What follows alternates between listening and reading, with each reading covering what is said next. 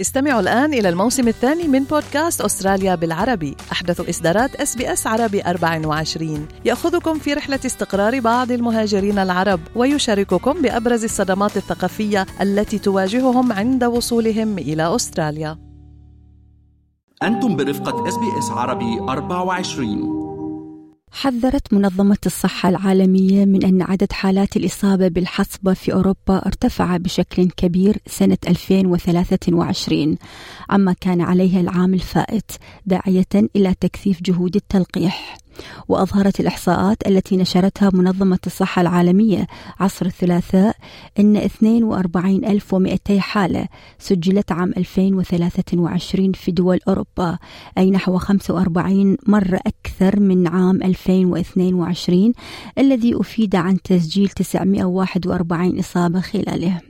وتعد كازاخستان وروسيا أكثر الدول تضررا من المرض إذ سجلت أكثر من عشرة آلاف حالة في كل منهما. أما في أوروبا الغربية فكانت العودة الأكثر وضوحا للمرض في المملكة المتحدة حيث سجلت 183 حالة.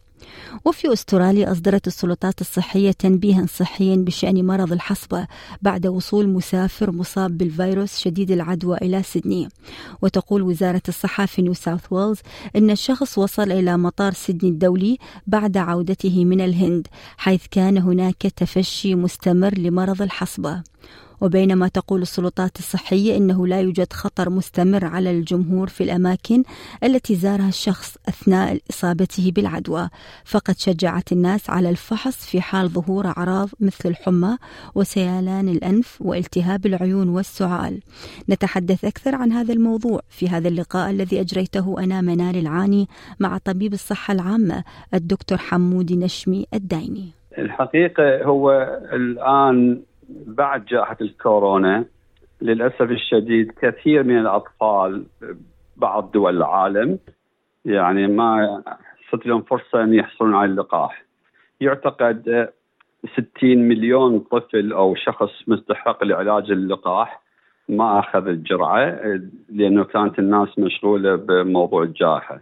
وكما هو متوقع الدول الفقيرة واللي تخوض حروب وصراعات طبعا هي راح تفقد الشانس إنه تتلقح أطفالها. والآن الحقيقة أكو أكثر من خمسين ألف حالة آه، منتشرة في آسيا تحديدا وبعض الدول الأفريقية.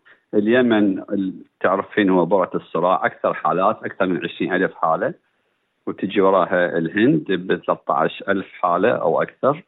بعدين إثيوبيا وكازاخستان والعراق أيضا. أنا عندي زملاء قالوا إنه أكو انتشار في أكثر من 6000 حالة. هذا على مستوى العالم. فيعني بحسب التعريف أكو انتشار. طبعا أكو انتشار لأنه إذا نرجع قبل جائحة الكورونا ما كانت هاي الحالات تسجل. نعم. نجي على أستراليا. هل أكو انتشار؟ طبعا بال 2019 2020 ما سجلت أي حالة. بال 2020 ل 22 تقريبا حوالي 30 حالة. وبعدين انخفت. الآن بالحقيقة كل الحالات المسجلة بأستراليا هم العائدين من السفر وتحديدا من الهند وال Middle East. فالحقيقة بالشهر الأخير من 2023 وهذا الشهر من 2024 January سجلت حالة واحدة ب New South Wales نعم. وحالتين ب Queensland وحالة واحدة ب South Australia. فتعريف الجائحة أو ال endemic أو ال epidemic أستراليا إحنا لا ممتاز الأمور ممتازة بس هذه الحالات تحصل. وكلهم طبعا عائدين من السفر. نعم دكتور تعقيبا على كلامك.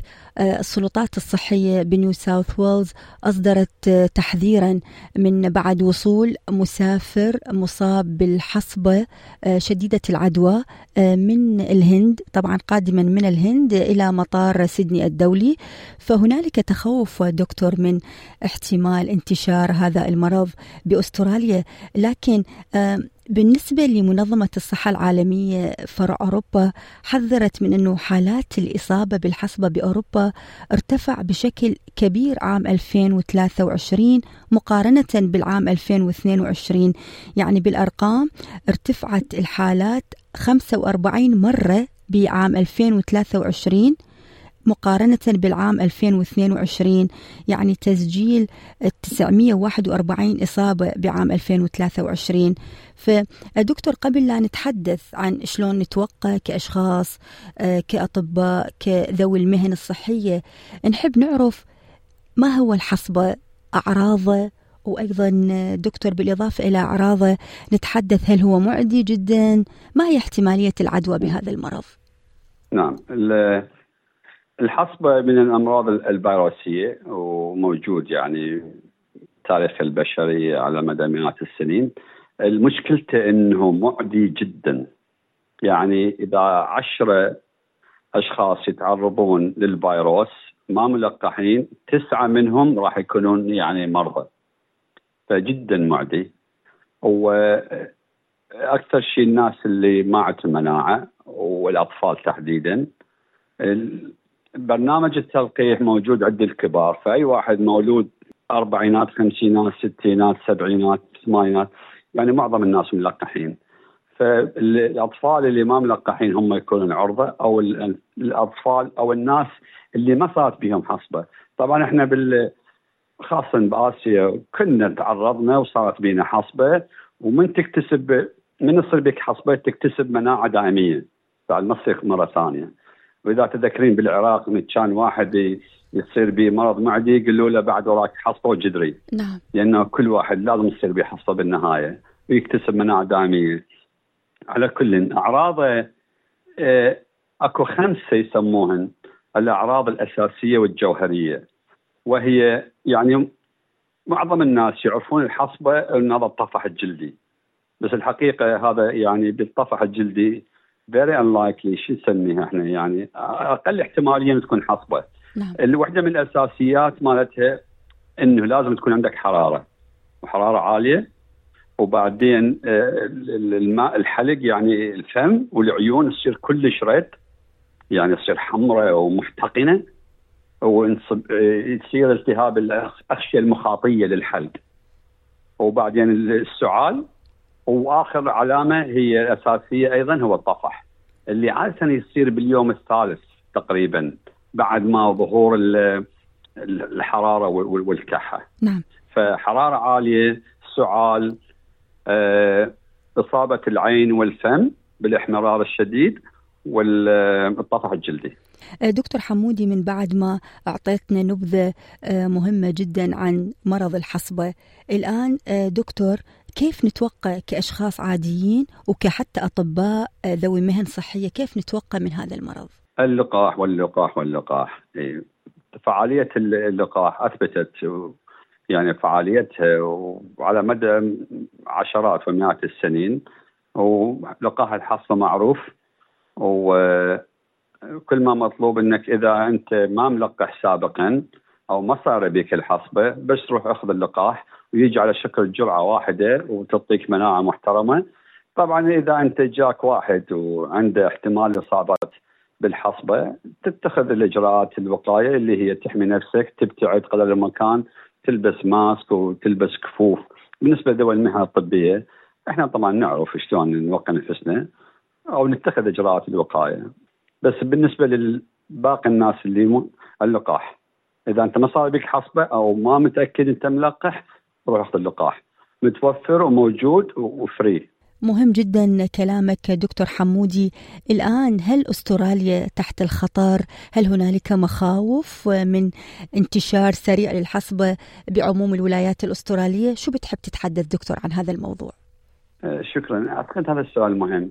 آه، أتوقع يعني بالقياسات العلمية وال statistics والإحصائية لا إحنا مو تحت الخطر طبعا. لأنه اولا برنامج اللقاحات ما صار به تعطل أثناء فترة جائحة الكورونا. وإحنا نسبيا يعني nation معزولة أمة معزولة عن ال... فكل ما في الأمر يعني بس لازم ننتبه على الناس العائدين من من خارج أستراليا وإذا عندهم اعراض لازم نشيك عليهم ونشيكهم وهم لازم يعني يسجلون أي أعراض حرارة عالية أو سعال أو كذا من يعيدون للأراضي الأسترالية.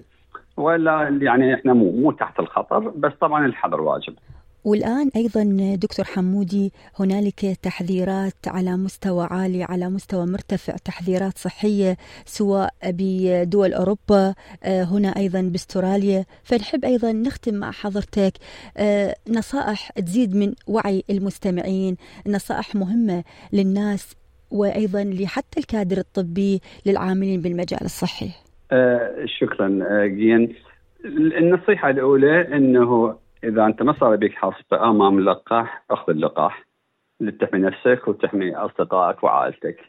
والنصيحة الثانية إذا صارت عندك أعراض وتشك بها إن هذه ممكن تكون حصبه خاصة إذا عندك تاريخ آه، مرضي ما تاريخ مرضي مال المناعه أو أنت عايد من من خارج أستراليا فكل ما في الأمر يعني تسجل ملاحظاتك للكادر الطبي اللي أنت اللي هم مسؤولين عن عن عناية بك.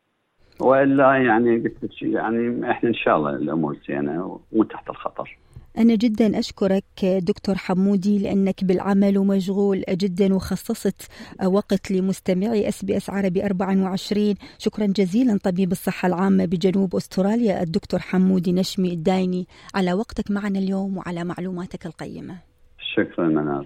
استمعوا الآن إلى الموسم الثاني من بودكاست أستراليا بالعربي. أحدث إصدارات اس بي اس عربي 24 يأخذكم في رحلة استقرار بعض المهاجرين العرب ويشارككم بأبرز الصدمات الثقافية التي تواجههم عند وصولهم إلى أستراليا.